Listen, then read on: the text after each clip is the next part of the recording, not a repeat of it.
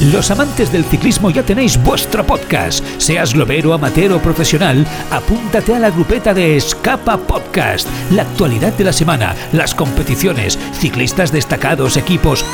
Escapa Podcast, con entrevistas, debate, la información técnica y las novedades del mercado de la bici, gracias a la tienda líder de ciclismo. Escapa. Ponte el maillot con nosotros. Escapa Podcast, en las principales plataformas de podcasting. Bona tarda i benvinguts al Tribuna, un programa multiplataforma que pots escoltar en directe o quan et doni la punyetera gana. A la FM, en streaming, en podcast ara o a les 3 de la matinada. No tens excusa per no escoltar el Tribuna Marca amb Joan Prats.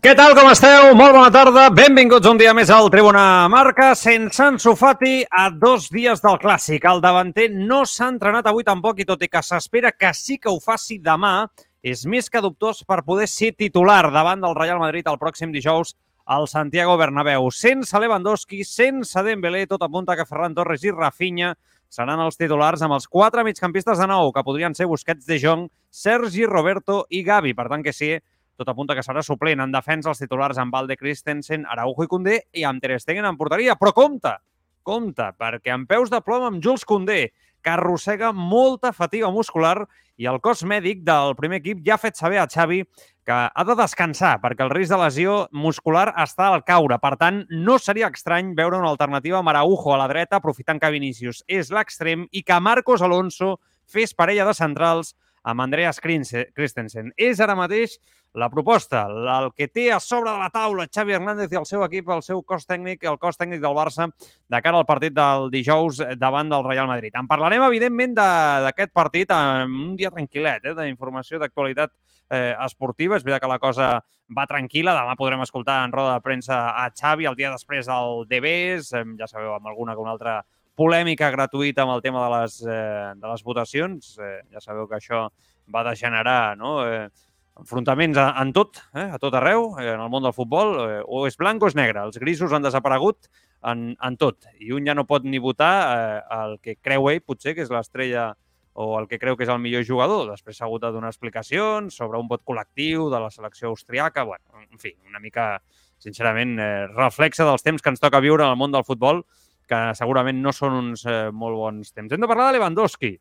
Molts rumors entorn a la seva figura molta notícia creuada eh, amb la figura de, de Lewandowski, de que potser no li acabava de motivar l'Europa League, alguna notícia que va en aquesta línia, de que eh, el Barça també estan preocupats per la baixada de rendiment del davanter polonès. Ara ho acabem de, de comentar, amb novetats amb el cas Negreira, punts de vista importants com el de Villar, ha parlat el que era en aquell moment el president de la Reial Federació Espanyola de Futbol. Ho va fer ahir a la nit en aquesta casa, Radio Marca, l'escoltarem i, bueno, moltes més coses. Eh? Tancarem el programa amb la Vanessa de Lucio, el Josep Pons i l'Àlex López fent eh, tertúlia. De moment anem a saludar el Carlos Rojas, que el tinc per aquí ja. Eh, Carlos, què tal? Bona tarda, com estàs? Hola, ¿qué tal? Buena tarde. Eh, yo, yo te veo un poco um, raro, oscuro, eh, con la cámara hoy de, de, de, de, Twitch y de YouTube. Eh. Te veo un poco distorsionado, que no, pixelado. Que no lo confirmen, que no lo confirmen la audiencia, porque yo Aquí en el estudio, si lo hubiera, te diría, yo también, no, no. pero me veo perfecto. Yo incluso le pasaría un trapito a la, a la, a la webcam, al, al, al, objetivo de la webcam, a ver si. Y no van broma, ¿eh? A veces pasas el trapito y te juro que. Ahora le que sea a veces incluso hasta el dedo. Bueno, ja sabeu que estem en directe a través de Radio Marca, a través de radiomarcabarcelona.com, a través de l'aplicació mòbil de Radio Marca Barcelona, com dèiem, a través del Twitch, eh? es va incorporant l'audiència del Tribuna Marca, veig per aquí al xat el Javi Gonro, el Tugromi, eh, l'Ivan San Juan 8, eh, que van saludant i es van incorporant com dic, en aquest dia tranquil. Recordeu que a TikTok ja som, a Twitter som Tribuna Marca i a Telegram som Tribuna Barça. Eh, un dia m'ho sabré de memòria, però no us ho asseguro. Normalmente lo suele decir bien, ¿eh? así que no te preocupes. Gracias, Carlos. Gracias. gracias. Gracias por el consejo. Eh, es, es, alentador saber que, que me sé esta, esta, frase de memoria, más o menos. No, no, no busques mucho más allá eh, de, de, esta frase, por eso. Bueno, a veure, anem per parts. Um, estic una mica preocupat, eh? eh perquè, ostres, realment el, el, el tema aquest de, de, de Condé i el problema muscular que sembla que arrossega però que no acaba de dir-se, no? que, que està lesionat però que els metges han detectat no? que té una fatiga muscular que sí que es podria acabar convertint en lesió, és un marró pel Barça. Vull dir, és que aquí anem a, a dia per a, a, a dia a dia anem amb problemes no? en, en, aquest, eh, en aquest sentit. I també és evident que, bueno, si força ja es trenca, serà una baixa molt important pel Barça, perquè el lateral dret és un autèntic forat ara mateix. No? És cert també que si juga Vinícius a l'esquerra el proper dijous, la lògica mana que Araujo vagi a la dreta i que llavors potser sí que pot descansar Condé, tot i que a mi la parella de centrals Marcos Alonso, en aquest cas Christensen, no per Christensen, no és que tingui res en contra de Marcos Alonso, que és un jugador solvent, però no de l'excel·lència que mereix el sistema defensiu del Barça, crec que per aquí el Barça donarà avantatge, em sembla. Em sembla. Vull dir, jo me'n refiaria molt més de la parella Koundé-Christensen i estaria molt més tranquil en aquest aspecte eh, que, que si surt Marcos Alonso o Eric Garcia, cosa que després de l'altre dia dubto. Però ja veieu que un dia més obrim amb opcions de, culpa de lesions, no? per situacions eh, complicades, eh, de, de jugadors que no estan al 100%. Bueno, Carlos, no sé. Eh, ¿Esperas Araujo en la derecha, sí o sí, por ejemplo? Bueno, yo creo que es un plan que la verdad que ya vimos ¿no? en, el, en el pasado. Creo que por mucho que Xavi lo niegue, que normalmente lo niega, ¿no? tanto con Rashford como con Vinicius y demás, creo que está claro que hay planes de, partido, ¿no? Hay planes de partido y en el caso de, de, Araujo, pues del Madrid, perdón, con Vinicius, está claro que es un plan especial, ¿no? Es, eh, todos los entrenadores tienen un plan especial. Ya el otro día contra Atlético de Madrid vimos unas vigilancias eh, también brutales y sinceramente creo que el Barça también, ¿no? Con Araujo encontró un método más o menos cómodo en el, partido de la Supercopa y creo que más teniendo en cuenta las bajas y las dificultades ¿no? de disponibilidad de jugadores que tiene el Barça, sobre todo tiene que ser un equipo compacto en defensa, aprovechar su punto fuerte para sacar un buen resultado del Bernabéu para la vuelta y ahí Araujo en el lateral me encaja, ¿eh? o al menos con, un marcaje muy, muy encima. Hizo muy bien la última vez. Bueno, generalmente siempre lo hace bien Araujo, ¿no? yo creo que es un jugador de una de una solvencia eh, espectacular, ¿no? Eh, me parece que es eh, ahora mismo, yo no sé si el mejor central de Europa, porque es verdad que hay muchos muy buenos, ¿no? ahí hemos estado de forma, yo también pondría a Christensen, Kunde sí que me da la sensación que está un poco por debajo, pero, pero que vamos, que, vamos a ver qué pasa. Y bueno, el mig camp, doncs apunta que sigui així, no? Amb Sergi Roberto, amb De Jong, amb Gavi i amb Busquets, i després a dalt, clar, si Ansu avui tampoc s'ha entrenat, que segurament és la notícia del dia, no? Doncs jugaràs amb Ferran Torres i amb Rafinha. És, és que és el que dèiem ahir. Vull dir, el, el Barça tindrà greus problemes per poder eh, generar ocasions clares de gol. Vull dir, perquè sense Lewandowski, que ara en parlarem, és veritat que no està en el seu millor moment, però és un futbolista que, evidentment, eh, és vital no? a nivell de gol per, per l'equip i en, aquest, eh, i en aquest cas, com dèiem, no? El cas de, el cas de Ferran Torres en punta, amb Rafinha per la dreta, a mi em genera molts dubtes de que el Barça tingui la capacitat col·legiadora suficient per derrotar un Real Madrid en una eliminatòria de Copa. Necessitarà molt més de la segona línia. O sigui, el, el sistema defensiu és el que dèiem ahir, és que haurà de ser perfecte, perquè jo crec que una que tinguis hauràs d'aprofitar-la, perquè és que general, generalment el Barça no disposarà de matadors. I Ansu Fati, que és l'altre que té aquest, aquesta capacitat col·legiadora, no? Eh, a la plantilla és el, més a prop, el que està més a prop no? a nivell golejador eh, de Lewandowski, pues, segurament no serà titular, perquè si a dos dies encara li fa mal al genoll i no està recuperat, seria absurd posar-lo i forçar-lo, no? Eh, I més un jugador que li està costant tant, només fa falta que el poses mig lesionat, eh? no, només l'acabaràs de, de sentenciar encara més. Sí, sí, totalmente. Yo además es que creo que, es un jugador con el que ya se, ha, ya se ha corrido muy pocos riesgos, ¿no? Por todo lo que ha sucedido. No creo que el jueves sea diferente. Además, Xavi, mm, bueno, no es precisamente de forzarle ¿eh? a, Ansu Fati.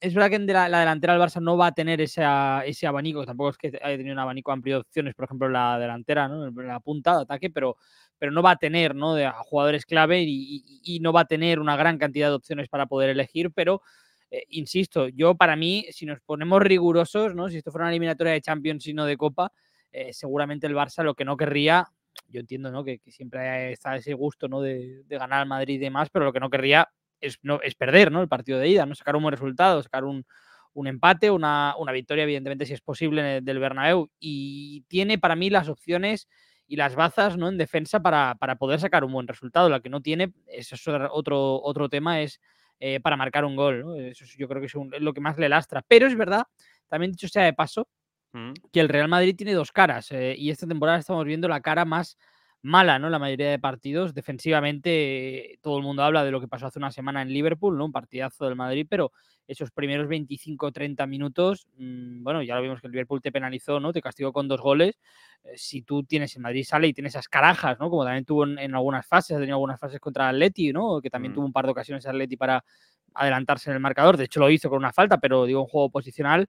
Eh, si el Madrid saca a relucir esa cara ¿no? defensiva tan, tan floja, pues está claro que el Barça va a tener opciones, ¿no? Porque me, da la sensación de que a diferencia de la temporada pasada, el Madrid es un equipo que comete errores no forzados, ¿no? Que se diría en el tenis, ¿no? Para, para ocasiones del rival. Y ahí el Barça, pues, puede sacar petróleo también. Mm, no sé. Eh, es verdad que yo, mira, ahora te estaba escoltando y estaba, pensando, sinceramente, ya sé que no, que es un jugador que, hizo un buen partido ante el Cádiz y que después, pues, no, no ha vuelto a brillar a ese nivel, ¿no? Pero Ferran Torres, que sí que es verdad que el otro día. lo que tengo claro es que ha recuperado la confianza en su fútbol, ¿no? y que y que intenta las cosas sin, sin el miedo a lo, que, a lo que pueda perder, que ya es mucho, ¿no? Por lo tanto, esa recuperación psicológica, ¿no? De un jugador que había sufrido esa ansiedad, eh, yo creo que está trabajado y, yo se lo noto, eh, se lo noto. Otra cosa es que Ferran Torres mm, no va a tener de la noche a la mañana, seguramente no lo va a tener nunca, el gol necesario que, necesita o merece un extremo del Fútbol Club Barcelona, ¿no? Esto ya es otro tema. Pero sinceramente, yo creo que todo pasa porque Ferran Torres eh, meta las oportunidades que le puedan caer. O sea, es que creo que va por ahí. Sinceramente lo pienso. Creo que va, que va por ahí porque eh, Rafinha es un jugador con, eh, con, una capacidad para ser siempre, en algún momento del partido, decisivo, tácticamente siempre que, juega, pero es verdad que no tiene la capacidad de movimientos para eh, situarse en posiciones no tan francas como sí que con sus movimientos consigue Ferran Torres. Insisto, otra cosa es que Ferran Torres después no sepa definir ¿no? De, la manera adecuada o que necesita este equipo.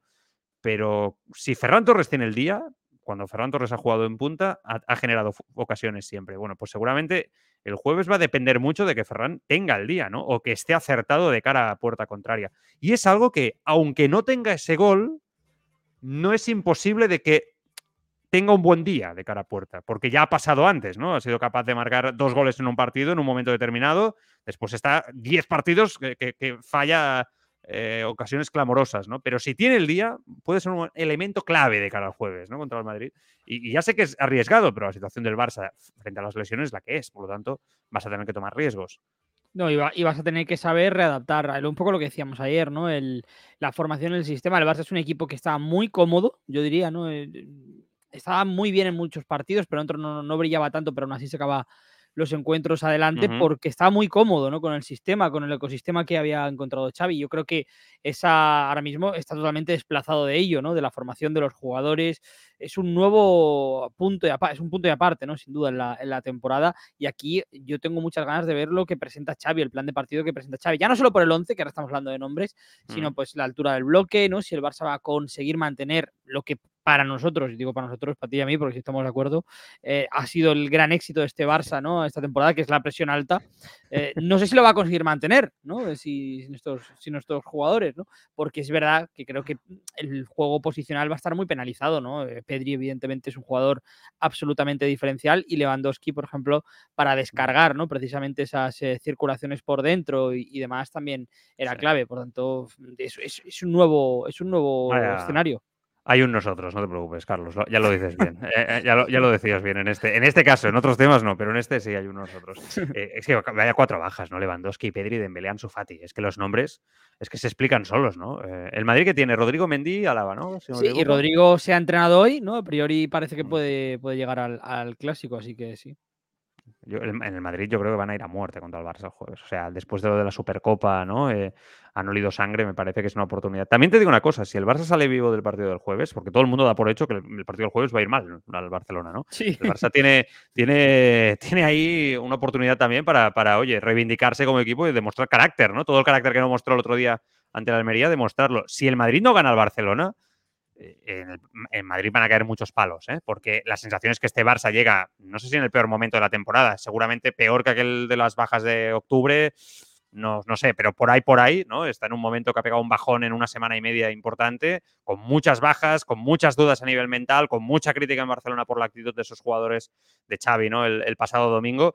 Si se encara el Madrid en una situación de derrota en el Santiago Bernabéu en la Copa ante el Barcelona, también es una oportunidad al contrario, ¿eh? Para meter una crisis en el madridismo importante, ¿no? Eh, de cara de cara a un rival directo para la liga que le has dado vida el otro, el otro fin de semana, es evidente, ¿no? Eh, eh, con, esa derrota ante la Almería. O sea, que también se puede mirar desde otro prisma, ¿no? Al cual lo estamos mirando. Y yo creo que Xavi es el que utilizará, ¿no? Evidentemente, el de la oportunidad para ciertos jugadores. Si nos ponemos en analizar individualmente, llevamos días hablando bien de, muy bien de Ferran Torres, ese cambio, ¿no? De, de mentalidad, de, que es verdad que ha añadido cosas a su juego, ¿no? Que se le ve más maduro también, personalmente. Eh, imagínate que puede ser el partido ¿no? el que se acabe de, reivindicar ¿no? en el Bernabéu, en el que marque un poco, lidera un poco al equipo y sea, entre comillas, ese jugador por el que el Barça pagó 55 millones ¿no? y, que puede asumir mm, en dos, tres semanas el, liderazgo del grupo. Puede ser, desde luego que por oportunidad puede ser, porque ahora mismo el baremo ¿no? es un poco es un poco bajo, ¿no? Seguramente la gente piensa que, que, no va a salir bien, ¿no? El plan de partido, pero también Xavi, ¿eh? En esta reivindicación que tú decías, eh, puede sacar tajadas y sabe plantear el partido bien. El Madrid no nos engañemos, es un equipo que en un buen día te puede matar y te puede hacer un destrozo, lo vimos hace una semana, pero tampoco es una máquina perfecta, quiero decir que es un equipo limitado en ciertos aspectos. Es que los dos equipos se asemblan bastante en, en, en això, o sigui, practiquen futbols completament diferents, però s'assemblen bastant en el fet de que són equips poc fiables. Vull dir que són capaços en un gran dia no, de fer un gran partit de futbol, i derrotar rivals molt importants, el propi Barça davant del propi Real Madrid a la, a la Supercopa és el major exemple, el propi Madrid, no? a la Champions League de nou on torna a brillar, però, però és veritat que després són equips doncs, que tenen mal dies i que davant de les primeres davallades eh, a nivell de lesions, etc., doncs tenen certes eh, dificultats per generar futbol, cadascú amb el seu estil. Ara, Sí que és veritat que el, el, el, el Barça té un sistema defensiu molt més potent que el Madrid. Jo crec que aquest és un avantatge que és, és evident i és clara. I el Madrid, psicològicament, és un equip més fort que el Barça. Jo crec que són els dos trets on els dos guanyen a l'altre. No? Eh, és la meva sensació. Què pot guanyar? Bueno, doncs això segurament el dijous ens ho, ens ho dirà. Jo insisteixo que el dijous el, el partit del Barça no és només un partit de Copa del Rei, que no és poca cosa, perquè, escolta, tal com està el Barça, la necessitat de guanyar títols és majúscula i és evident, sinó que Mm, si perds, són tres derrotes seguides, va molt més enllà d'una eliminatòria de Copa, tindrà transcendència, estic segur, a la Lliga, el Madrid s'ho creurà molt més del que s'ho creu ara mateix a dia d'avui, i ja sabem com funciona això, no? Són ara mateix Barça-Madrid, Madrid-Barça, històricament van lligats eh, per un fil vermell, eh? em poso romàntic, i, i, i evidentment aquí eh, el que quan es tires d'un cantó l'altre es debilita i quan es tires de l'altre l'altre es debilita. Vull dir que mm, això és, és, és evident. Per tant, si el Barça perd davant del Madrid, els dubtes que hi haurà a Barcelona, la crítica que hi haurà ferrissada de tres derrotes eh, consecutives a Barcelona en l'entorn del Barça serà mm, molt important. I això el madridisme ho aprofitarà. Per tant, el Barça ha de lluitar, però vaja, els jugadors han de sortir a morir davant del Real Madrid eh, el dijous, no només pensant en la Copa, sinó també en la transcendència que pugui tenir a la Lliga donar ales al Madrid, que fa dos dies pràcticament estava mort. I quan dic fa dos dies, és que fa dos dies. El dissabte al Madrid, quan empata davant de l'Atlético, les cares dels jugadors del Real Madrid són... Se nos, va, se nos ha ido la Liga. Porque mañana sí, sí. el Barça no va, no va a fallar, ¿no, Carlos? Y, y falla el Barça y hoy las caras ya son bueno, a ver si este Barça que parecía infalible aún nos va a dar la oportunidad de meternos aquí y vamos a ganar la liga de rebote. Sí, totalmente. Además, eh, condicionar la liga, la, la, la, temporada también, ¿no? Porque para el Madrid ganar al Barça, ¿no? Es darle alas en liga, como dices, pero también seguramente acabar de solidificar las buenas sensaciones de Liverpool, ¿no? Si, mm. si consigues, ¿no? Lo digo por, por, la Champions. Me estaba acordando de, de, que hace un mes y medio, ya casi dos, ¿no? Eh, precisamente decíamos lo mismo que estamos diciendo del Barça, pero del Madrid, ¿no? Que el Madrid tenía mucho que perder con la Supercopa, y poco que ganar, y el Barça al revés, ¿no? Que le venía muy bien el título y demás. El Madrid, evidentemente, tiene más que perder que el Barça en aquella Supercopa, bajo mi punto de vista, que es un título, y además perder contra el Barça, eh, y que también condiciona la temporada, pero es verdad que es un poco la sensación, ¿no? De que el Barça es quien tiene más, eh, quien se juega más, ¿no? En este, en este clásico. Pero también es cierto que hay otra premisa en, los clásicos, en la historia de los clásicos, que es quien va sobrado, ¿no? Entre comillas, o va muy de favorito, en este caso por las bajas, eh, a un partido así, luego normalmente, ¿no? Acaba, acaba pagándolo, ¿no? Acaba sufriendo un poco ese, ese peso. Veremos si es uno de esos partidos. Bueno, anem a veure què, què passa. Eh, tenim temps encara demà, escoltarem els protagonistes, escoltarem Ancelotti, escoltarem a Xavi Hernández en roda de premsa, per tant, demà ho analitzarem, a veure què diuen, extraurem conclusions també de les seves eh, paraules. Jo entenc que demà en Sofati s'entrenarà, per tant, suposo que estarà encara que sigui a la banqueta, no? com a un revulsiu eh, que ja és on millor ho ha fet eh, Sofati aquesta temporada, com a revulsiu no sortint des de la, no sortint de titular, no? Eh, quan ha sortit des de la banqueta ho ha fet prou, prou bé i en alguns partits ha estat clau no? amb, els seus, eh, amb els seus gols. Per tant, bueno, eh, demà serà un dia doncs, eh, per seguir extraient eh, conclusions de cara al que pugui passar, com dic, el, el proper dijous en aquest partit del Santiago Bernabéu. Anem amb un altre tema, que segurament és un tema, jo no sé si fins i tot dir inesperat en l'actualitat del Barça o una mica fins i tot eh, desagradable, no? perquè segurament era fa, fins fa poc era l'últim dels problemes del barcelonisme, un fitxatge que en el seu dia va semblar impossible, no? quan es va posar el nom de Lewandowski a sobre de la taula, que poc després es va veure que sí que era possible, que el jugador volia venir, que volia un nou repte, va començar com un tro, va començar fins i tot de, ràpidament a ser el líder del, del vestidor, tot anava de conya, va passar el Mundial, amb... Doncs no va ser el millor Mundial, no? el de Polònia, el de Lewandowski, però bueno, van estar, jo crec, fins a eliminatòries, no? Crec que van caure vuitens de final, Carlos, em corregeix si, si m'equivoco. Sí. I a partir d'aquí, bueno, va tornar, potser no sent el mateix Lewandowski de l'inici de temporada, hi ha qui diu que físicament està pitjor que quan havia començat la temporada per la dinàmica que portava d'entrenaments del Bayern. Aquest equip, el Barça, jo crec que ha demostrat amb Xavi Hernández que físicament s'entrena de forma excel·lent, no? perquè si no, no pressiones com pressiones, no? I, i recuperes a dalt com ho fas d'aquella manera i aguantes físicament amb aquella pressió. El joc sense pilota, que sempre diem, té molt a veure també amb, amb l'estat físic de la teva plantilla. Per tant, jo aquí no diria absolutament res ni estaria d'acord amb aquesta teoria.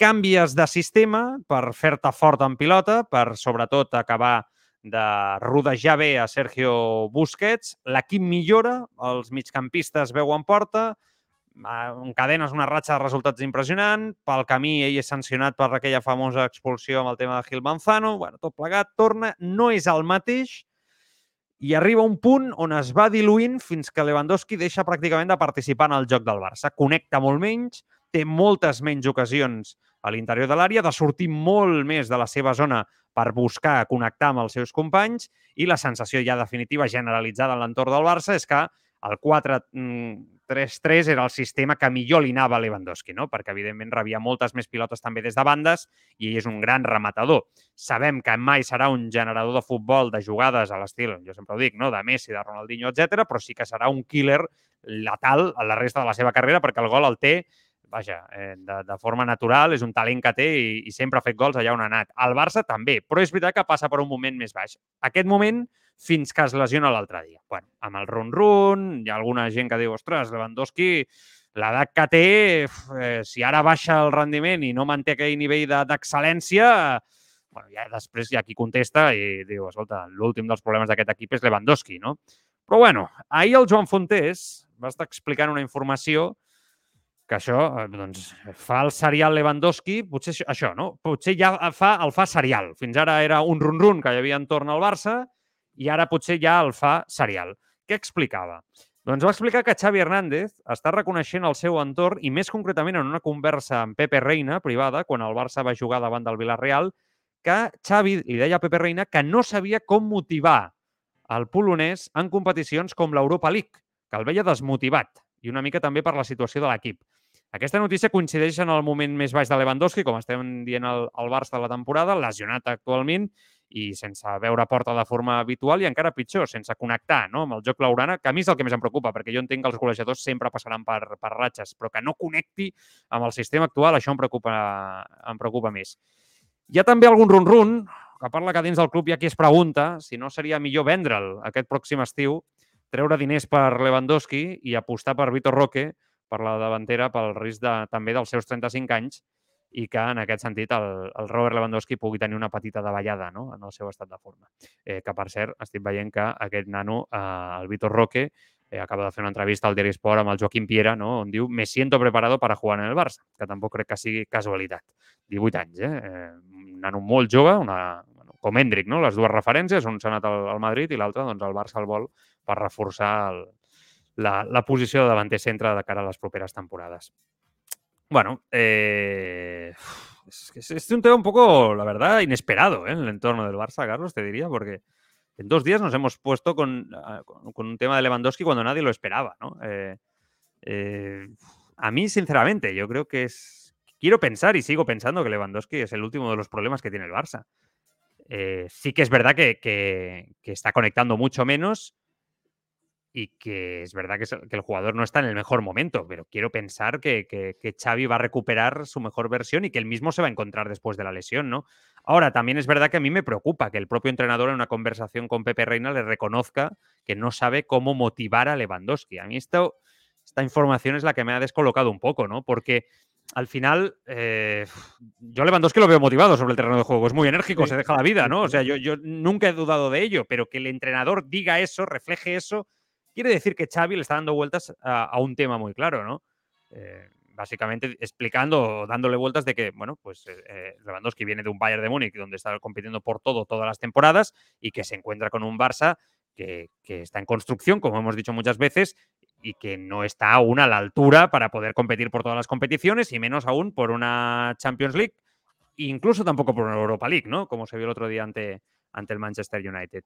Y, y, esto yo también rompe mucho con el discurso oficial de Xavi en rueda de prensa, pero en privado parece que reconoce que el jugador, pues que, no sé, que duda, no sé si decirlo así, que duda de alguna manera con el proyecto, eh, que duda si, si le motiva por todo lo que ha ganado, ¿no? Por los años de carrera que le, que le queda. Aunque otra teoría también diría, Lewandowski ya sabía dónde venía y al proyecto que claro, iba, ¿no? Creo que iba a decirte yo ahora mismo. O sea, es que me sorprende bastante, ¿no? Seguramente si Lewandowski dijera, ¿no? Que le habían vendido otra cosa, aún entre comillas podría creérmelo, pero es que es que no sé, o sea, el Barça era un equipo en construcción totalmente, lo hemos dicho en todo momento de la temporada, ¿no? Yo creo que aquí en Barcelona se ha dicho siempre. Mm. Es verdad que a nivel de juego y de constancia es complicado y seguramente la lupa es más exigente con Lewandowski porque le toca ser la estrella de este equipo, le toca ser la referencia y para mí, sinceramente, Lewandowski no está para ser la gran estrella de un equipo top en Europa, está para ser un gran jugador, un jugador importante, ¿no? Pero, pero no la gran estrella, el gran referente, ¿no? Por eso al Barça le sigue faltando en Europa ese, ese jugador, ¿no? no lo cual no significa que Lewandowski se haya acabado como jugador, ni mucho menos, al contrario, a mí me parece, puede ser súper importante.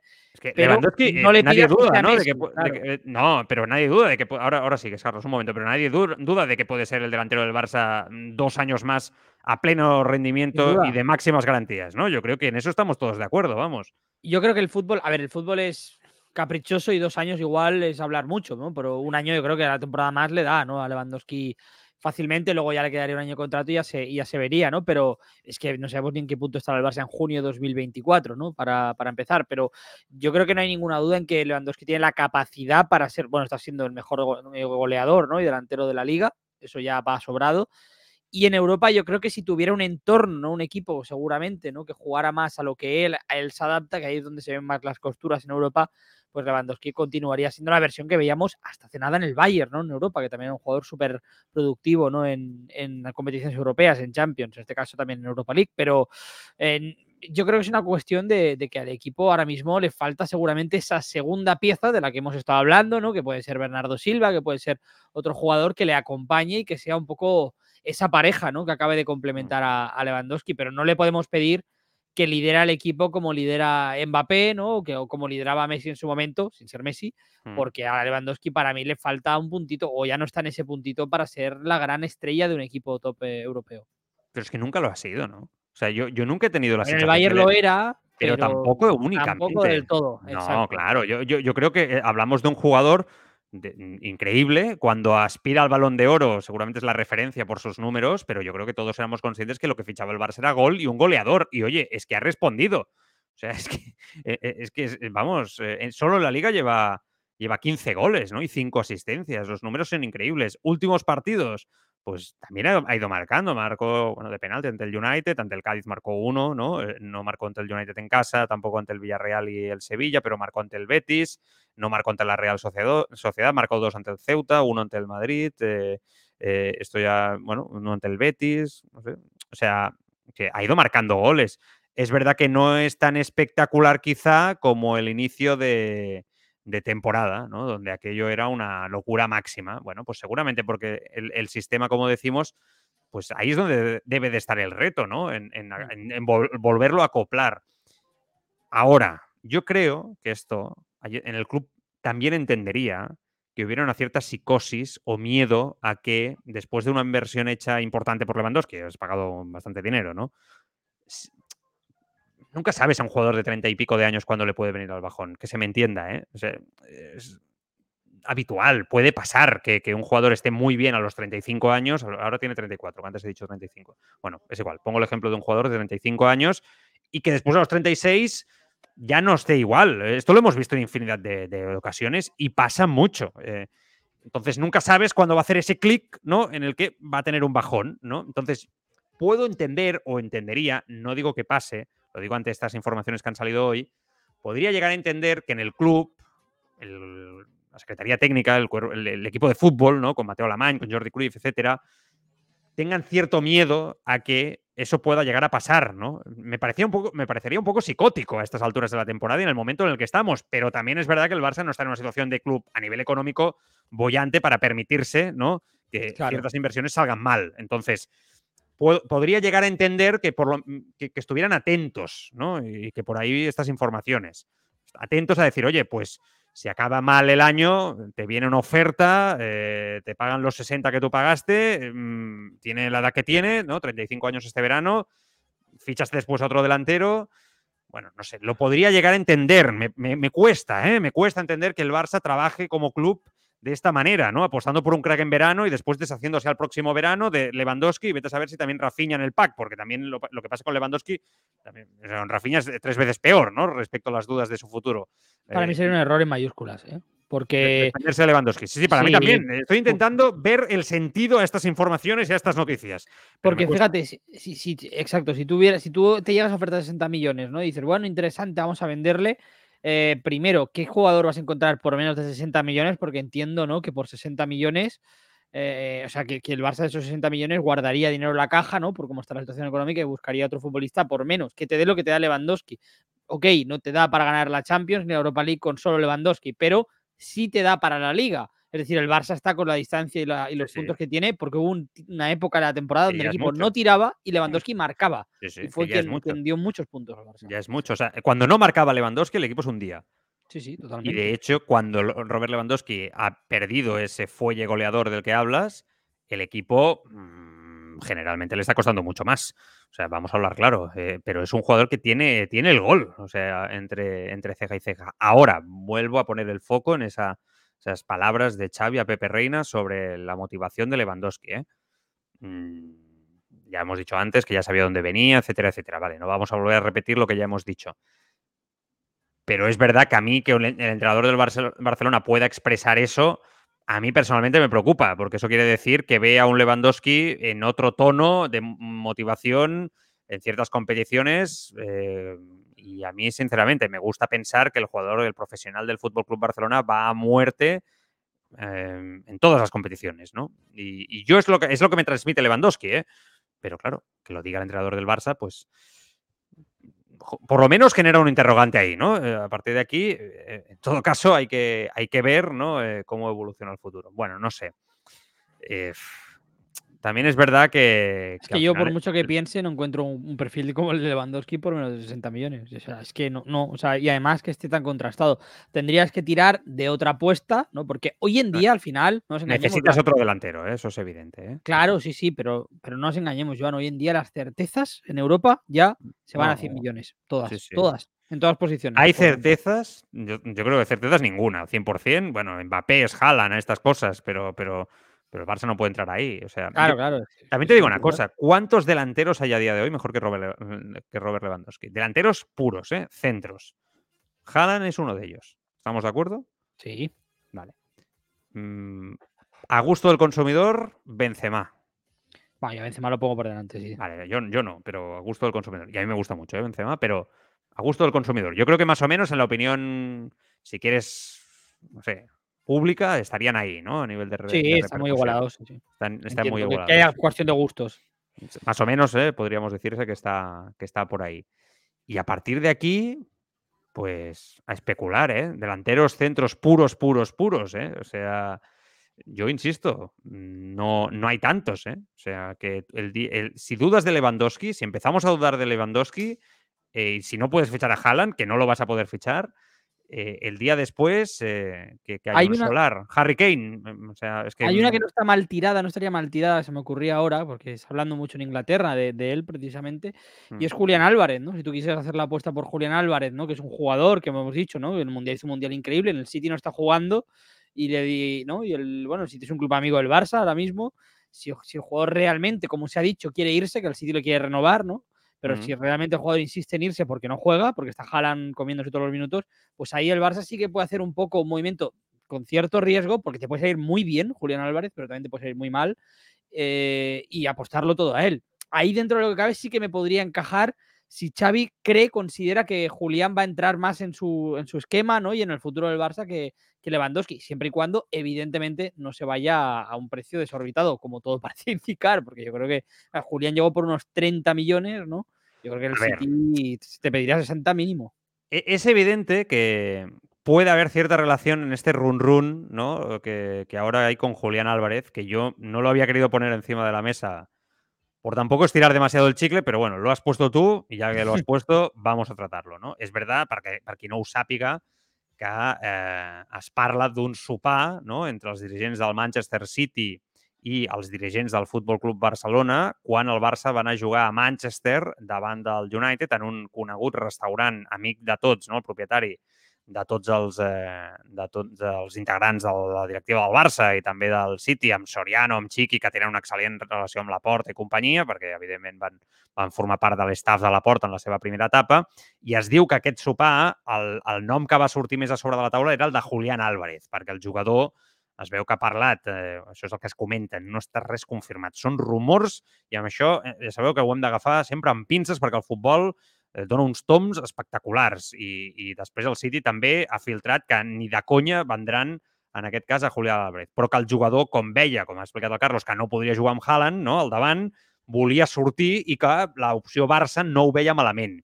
I es veu que el sopar es va valorar l'opció de cedir-lo al Barça, no? cedir-lo al Barça i veure a partir d'aquí el futur, no? Eh, per no tenir tampoc, perquè Guardiola no vol jugadors a la, a, a- la plantilla no? que, es, que no, no vulguin estar o que tinguin dubtes sobre ser-hi, no? que és un dels discurs de, de tota la vida.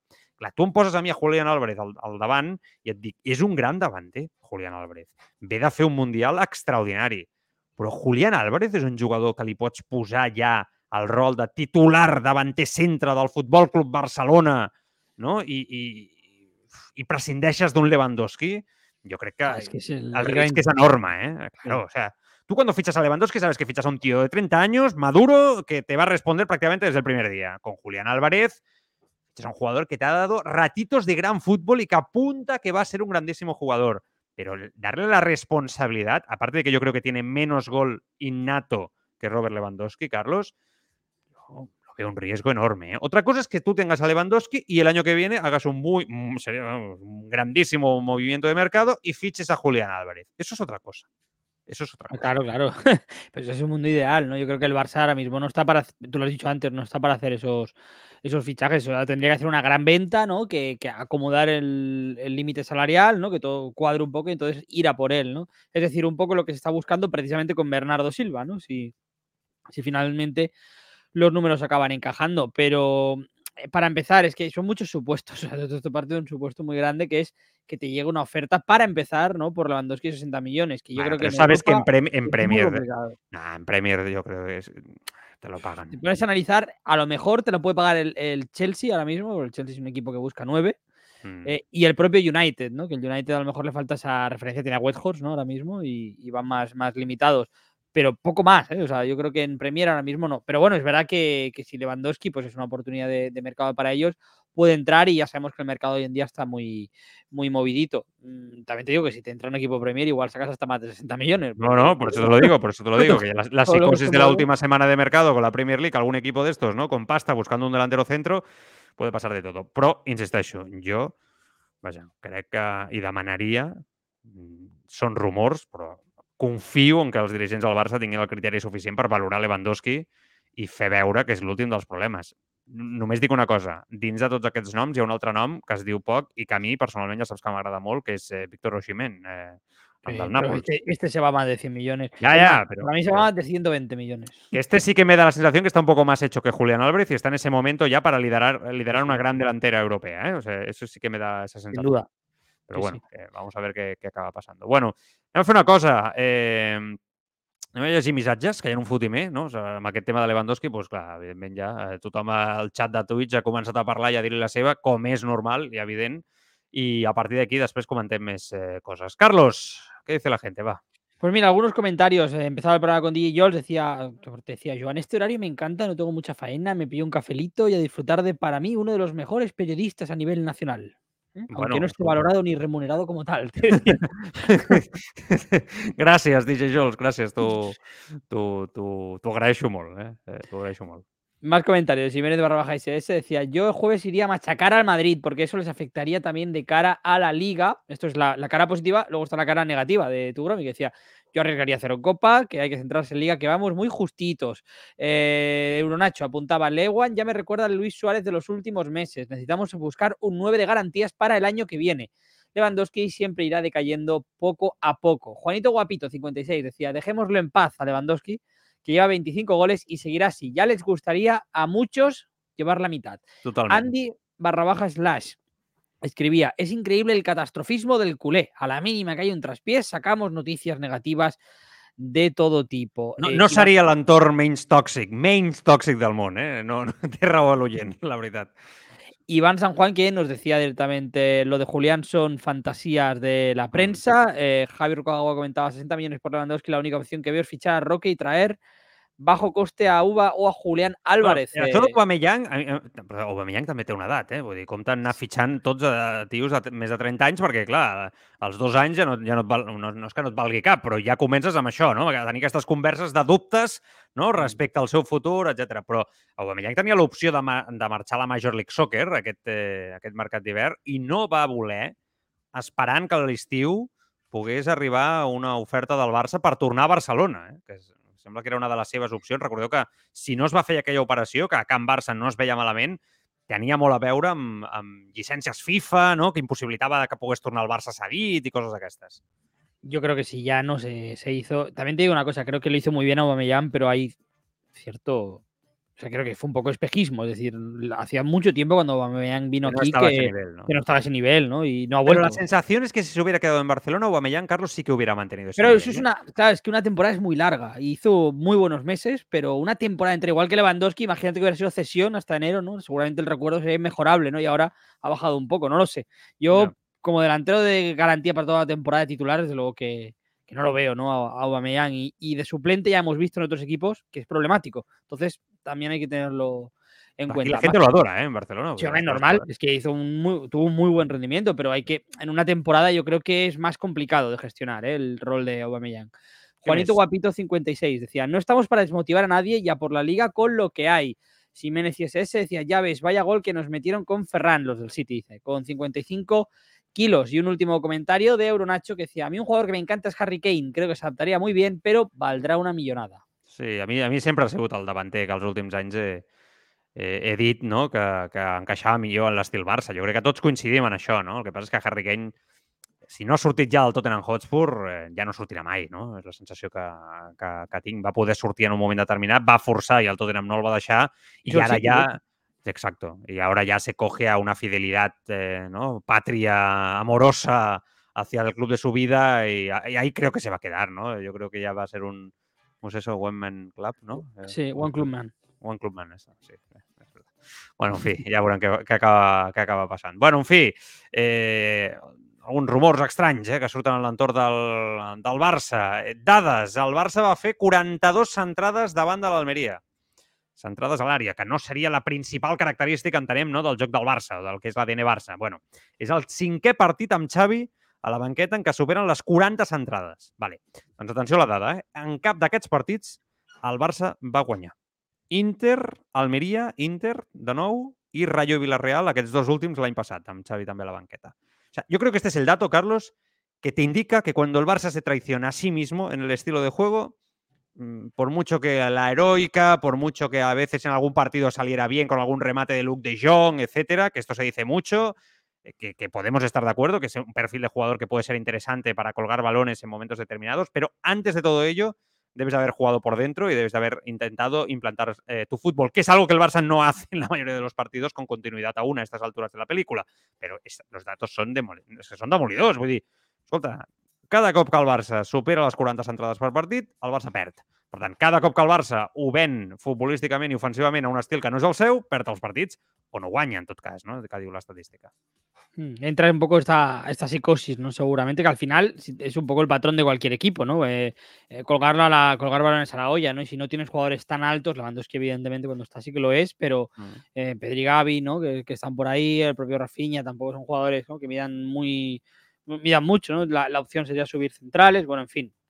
Está claro que ya es cambiar totalmente tu sistema ofensivo y bueno, creo que va a seguir pasando, eh, Joan, sinceramente. Creo que va a seguir pasando porque es una constante de, del fútbol. Es un vicio, te diría, de, por parte de muchos equipos.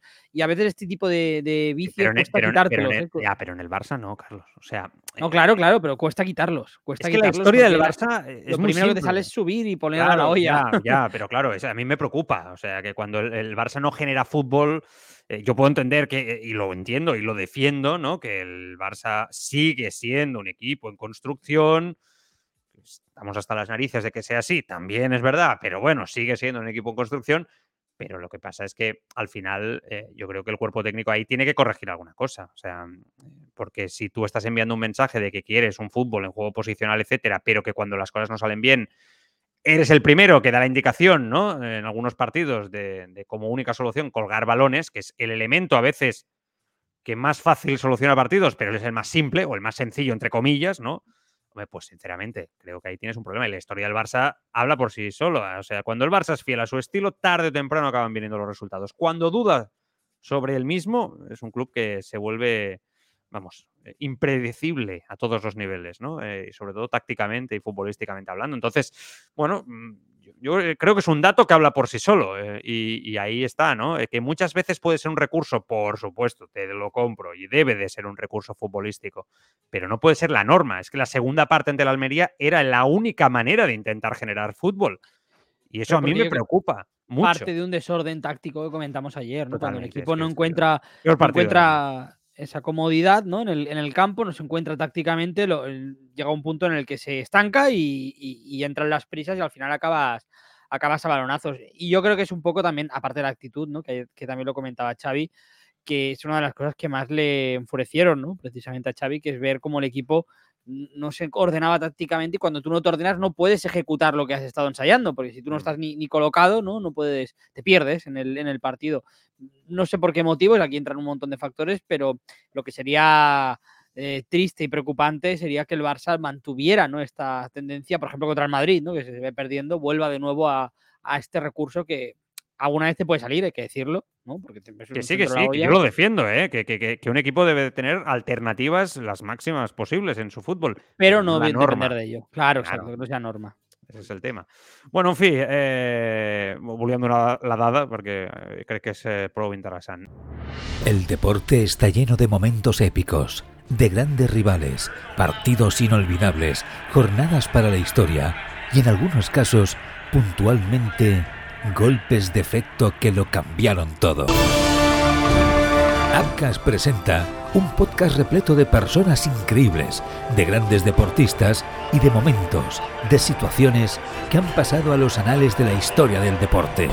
Descubre Golpe de Efecto, un podcast con las grandes historias del deporte y los grandes deportistas. Golpe de Efecto, de Upcast, ya en tu plataforma de podcasting. Ángel María Villar, canviant de tema, anem al cas Negreira, president de la Federació Espanyola de Futbol, en el seu dia, que ha defensat que el Barça va guanyar merescudament les lligues entre els anys 2001 i 2018, quan ell era president, període en què el club eh, blaugrana va realitzar pagaments a una empresa propietat de José María, José María Enríquez Negreira, vicepresident del Comitè Tècnic d'Àrbitres del CTA, conegut per, per tots. En una entrevista en aquesta casa ahir a la nit, el que va ser mandatari de la federació entre el 88 i el 2017, va preferir no opinar sobre l'anomenat cas Negreira, si bé va sortir en defensa dels àrbitres en afirmar que són independents, honestos, diu, i ben preparats. Como ahora está en candelero de los árbitros, no quiero hablar. Una cosa solo quiero decir de los árbitros. ¿eh? Los árbitros son tremendamente eh, eh, eh, honestos, independientes. La mayoría de ellos tienen una profesión, son médicos, abogados, militares, Ingenieros policías, también, ingenieros, tienen un nivel cultural elevadísimo, son muy buenos. Y es el estamento netamente federativo. Entonces, todo lo que se hable de ellos, por como comprenderán en estos momentos, yo no voy a hablar. Pero yo tengo una concepción extraordinaria de ellos. Es un estamento respetuoso, eh, preparado, eh, independiente. Bueno, vale, jo, eh, a mi em mereixen tot el màxim respecte, eh, els àrbitres espanyols, eh, sempre ho he dit. I és veritat, i és veritat que quan tractes amb ells, en el cara a cara, són gent que està molt preparada, no? I, i, i no només per arbitrar, sinó per, per suportar la pressió i la crítica a nivell mental i fins i tot a nivell cultural, que no és fàcil, eh? Jo no sé com, com reaccionaríem qualsevol de nosaltres si cada cap de setmana la nostra feina fos ju- jutjada d'aquesta manera, eh? No, has d'estar preparat, no tothom hi val, eh? Per això tu pots ser molt, molt bon àrbitre sobre el terreny de joc, però després eh, psicològicament no està preparat per suportar aquesta pressió. En això Villar té raó. El que passa és que, bueno, aquesta declaració és, és del president de la Federació Espanyola de Futbol que tenia com a vicepresident del CTA el senyor Negreira. Per tant, què ha de dir el senyor Villar? No? Aquí, acaba, aquí acaba per mi la meva apel·lació, el meu argumentari respecte a les paraules del senyor Villar. Vull dir, només faltaria que el senyor Villar digués el contrari. És que Claro. No, no, y, em y además que, que- no sé. que- que no, no, yo estoy, yo, yo estoy de acuerdo con, contigo ¿no? en en este caso. O sea, al final los árbitros seguramente están preparados la mayoría, ¿no? Luego tienes casos extraños, ¿no? Y personajes como Mateo Laoz, pero, o Iturralde González, ¿no? En su momento cuando arbitraba. Pero es verdad que normalmente son, son gente que, que, bueno, que es eh, bastante, ¿no? Un- Tiene una, una forma, un aspecto psicológico muy calmado, ¿no? Muy maduro, muy desarrollado en este sentido. Y aparte, pues también lo ha dicho Ángel María Villar, ¿no? Tienen trabajos y profesiones también muy, muy decentes. Eh, el tema es que para mí Ángel María Villar, que te defienda Ángel María Villar, sinceramente y con todos los respetos que me merece ¿no? Villar, pues no tiene ningún tipo de, de validez. Estamos hablando del vicepresidente de la FIFA más corrupta de la historia, ¿no? que dijo la FIFA es limpia eh, y luego salieron todos detenidos prácticamente. ¿no? En aquella... Por tanto, al final lo que diga Villar, pues evidentemente entiendo que como expresidente de la federación lo tenga que decir y lo diga, pero para mí no, no, no garantiza nada. ¿no? Estamos hablando de una persona que ha estado precisamente en entornos muy tóxicos de la historia del fútbol, no solo en el mundo del fútbol. Clar, és que de, de tot això després de, diu eh, em, que com a president de la Federació Espanyola de Futbol ell va nomenar els dirigents del CTA no? eh, i va dir que ella estava molt tranquil, deia també en aquesta entrevista, i es mostrava convençut de que els àrbitres no han fet res. Ho va repetir en aquesta entrevista moltes vegades, que els, los árbitros no han hecho nada, nunca han hecho nada. Bueno, claro, mm, sí que han hecho. O sea, me, me sabe mal, de, o sea, sinceramente, porque sé que pagan seguramente eh, justos por pecadores. Seguramente sí, ¿no? Porque seguramente habrá árbitros y muchos que no habrán hecho nada, pero. Y a día de hoy tampoco sabemos si han hecho o no han hecho, pero que hay una sombra de la sospecha sobre los árbitros, yo creo que es evidente. O sea, este titular de Villar, bueno, pues es un titular que, que hace un mes tenía una fortaleza que a día de hoy, después de haber explotado el caso Negreira, mm, ya no es el mismo. ¿Por qué? Porque la credibilidad del colectivo arbitral en este país a día de hoy está en seria duda. ¿Por qué? Porque cuando dice los árbitros nunca han hecho nada, bueno, no. Uno sí que ha hecho, que es el vicepresidente. O el vicepresidente del Comité Técni- Técnico de Árbitros no es árbitro. No forma parte de los árbitros. No, no. Sí forma parte de los árbitros. Por lo tanto, es evidente que sí que han hecho algo diferente ¿no? a lo que venían haciendo. Y la duda està ahí, no? Entonces, bueno, insisto, què va decir Villar o què esperem que digui Villar? Segurament en això és molt evident que defensa el seu mandat, però que vaja, que és un dels senyors que també ha tingut una ombra de la sospita que l'ha rodejat no? al llarg de la seva carrera com a, sobretot a la part final, com a president de la Federació Espanyola de Futbol, de forma més que, més que important. Avui també hem sabut que el CTA, el Comitè Tècnic d'Àrbitres, té previst fer una roda de premsa oberta el pròxim dijous dijous per donar explicacions sobre el cas Negreira. Sortirà Medina Cantalejo, que és el president del CTA actual, Eh, sembla que és un comunicat i entenc que acceptaran preguntes dels mitjans de comunicació i a partir d'aquí doncs, eh, han convidat a tots els àrbitres que vulguin ser presents no? que puguin, que puguin anar-hi. Creo que esto es importante. O sea, que los árbitros, Carlos, hablen eh, y contesten preguntas es básico, como lo es que lo haga el Fútbol Club Barcelona y que lo haga todo el mundo de este caso para intentar limpiar el honor, que yo creo que es lo que a día de hoy está en entredicho del fútbol español de forma clara. O sea, y, creo que es tan, tan grave lo que está pasando que me parece que es impresionante que vayan tan tarde en hablar. ¿no?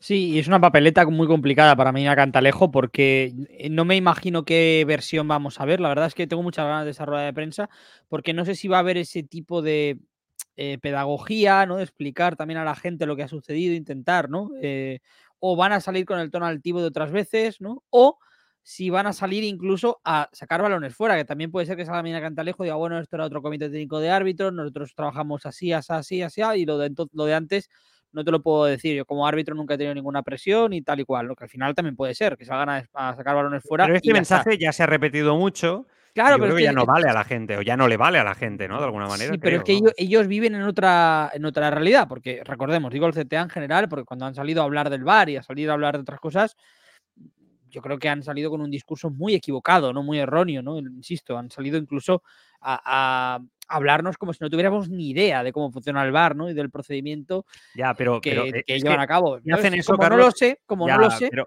pero a la gente no le va a valer. Entonces, eh, o sea, hacer no, no gestos, gestos, o sea, yo creo que esto sería un gesto. Eh, yo creo que incluso se te gira en contra actualmente, ¿no? Porque hay una crisis de, cre- de credibilidad enorme en el fútbol español. Entonces, la solución, entre comillas, que mucha gente está diciendo es, aquí hay que hacer eh, sabia nueva. aquí hay que cambiar el comité técnico de árbitros de arriba abajo. O sea, en un país serio, yo ya lo he escuchado de más de una voz autorizada, ¿no? Hay que decir, aquí la única manera es que dimita todo el comité técnico de árbitros actual y que, y que toda la plantilla de árbitros sea cambiada el año que viene. Y que, y que se empiece de nuevo, limpieza absoluta, transmitir limpieza absoluta. Claro, esto estamos hablando de que es algo muy complicado de hacer, ¿no? Eh, profesionalmente y es un reto, pero claro, si tú ejerces un trabajo que para quien lo ejerces no tiene ningún tipo de credibilidad, pierde cualquier sentido. Totalmente, totalmente. Pero por eso el mensaje tiene que ser claro y tiene que ser, para mí, intentar explicar, hacer un poco de pedagogía, ¿no? Y por- a mí, por ejemplo, me gustaría muchísimo escuchar a Estrada Fernández, ¿no? Eh, Que ha sido muy protagonista también. O sea, explicar por qué ha dado ese paso, qué hay detrás de esa decisión, ¿no? Y, y si va a haber un respaldo, ¿no? O si se ha hablado con otros, con otros árbitros. Ya no solo escuchar a Medina Cantalejo, que por supuesto es muy relevante, sino también a otros árbitros, ¿no? Como, como Estrada Fernández y otros que, que puedan salir y dar Vamos un a ver paso si va. ayudar. Vamos a ver si va, porque el, el mensaje que se ha enviado es que Estrada Fernández ha ido por libre y que ha molestado mucho al resto de árbitros de primera y de segunda división. Por lo tanto, vamos a ver si va a esa comparecencia, rueda de prensa del próximo jueves del, del CTA. Ahí Tebas diu que no li té mania al Barça, home, que estem confosos. No, Sí, sí, él lo sabe que yo no tengo manía al Barcelona. Es, y ya lo vengo diciendo como la pregunta buena o mala. Es, hay unas normas que, hay que cumplir, además que, que eh, se toman por muchos departamentos de la liga, que, porque yo no puedo estar en todo, evidentemente, y, y lo que hay que hacer es cumplir las normas y que hay, no es cuestión de manía ni, ni mucho menos. Eh, ya en la puerta no puedo encontrar un solo empleado de la liga, un solo empleado del control económico que yo le haya dicho que tiene que hacer esto porque no me gusta el Barcelona. És que ni, no he dicho ni lo que tiene que hacer en nada. Bueno, les paraules del president de la Lliga amb un tema que està ja molt tractat, molt trillat i que tampoc tornarem a obrir ara al Manuel. El que sí que anem a fer és una rapidíssima pausa al Tribuna, al Tribuna Marca i de seguida fem tertúlia amb l'Àlex López, la Vanessa de Lucio i el Josep Pons perquè encara hi ha molts temes a comentar, entre ells el de Best, que ja sé que és un tema que també fa una mica de mandra, no? però és veritat que hi ha hagut votacions una mica estranyes, les que vam saber ahir, entre elles la del seleccionador de la Fuente i, i després la que li ha caigut a Madrid a Àlava, no? que, que ha sigut acollonant per, eh, per votar Leo Messi i altres temes, eh? evidentment, que hem de seguir tractant. Tres minuts i tornem, va, som-hi. Ràdio Marca és l'emoció.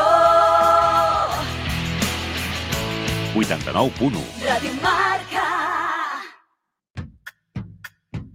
Hola, Chevy. Cuéntanos, ¿qué es Chaviot Plus? Pues mira, Cheviot Plus es una tienda de moda de hombre situada en el centro de Barcelona, especializada en tallas grandes. ¿Y qué es lo que podemos encontrar? Toda la moda de hombre que puedas imaginar. Camisas, pantalones, tejanos, trajes de novio, todo en talla grande. Pero todo, todo. Absolutamente todo lo que puedas imaginar en talla grande para hombre hasta la talla 10XL. ¿Y dónde estáis? Pues mira, en el centro de Barcelona, a escasos metros de diagonal, esquina Vía Augusta, Conde de Salvatierra, número 10. Teléfono 93 748 42 49. 93 748 42 49 o más información en cheviot.com. Panenca és la primera revista de cultura futbolística a Espanya.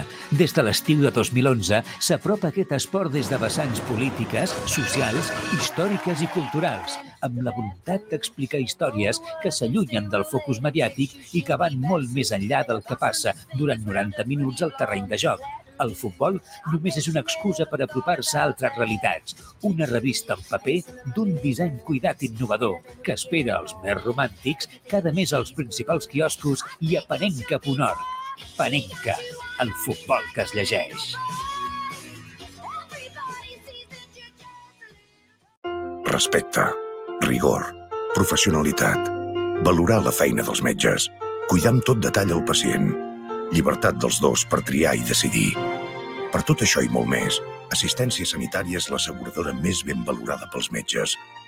Assistència Sanitària, la millor segons els metges. Santi Enrique, concessionari oficial Nissan, et porta la nova generació del líder dels crossovers, el nou Nissan Qashqai, electrificat i amb etiqueta eco de la DGT. Deixa't seduir per tota la gamma Nissan a Santi Enrique Barberà, Sabadell, Igualada, Martorell, Granollers, Sant Cugat i Terrassa i ara estrenem ubicació a la carretera de Prats de Lluçanès a Sabadell. Xavi, falta molt poc pel teu casament. Xaviot, I encara no t'has mirat el tratge de nuvi. Xaviot, I la resta dels homes no s'han mirat res tampoc. Xaviot, mare, Mm. Xaviot.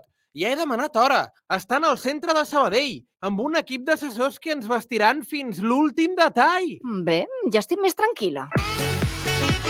Xaviot, vestim a nuvis i acompanyants. Passeig Manresa 32, a Sabadell. Reserves al 93 748 42 49. 93 748 42 49. I a Barcelona, Comte de Salvatierra número 10.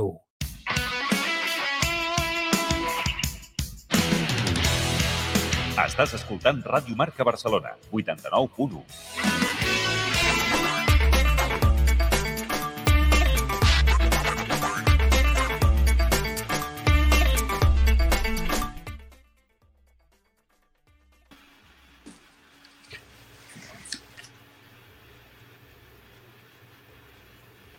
Joan, que estás desactivado.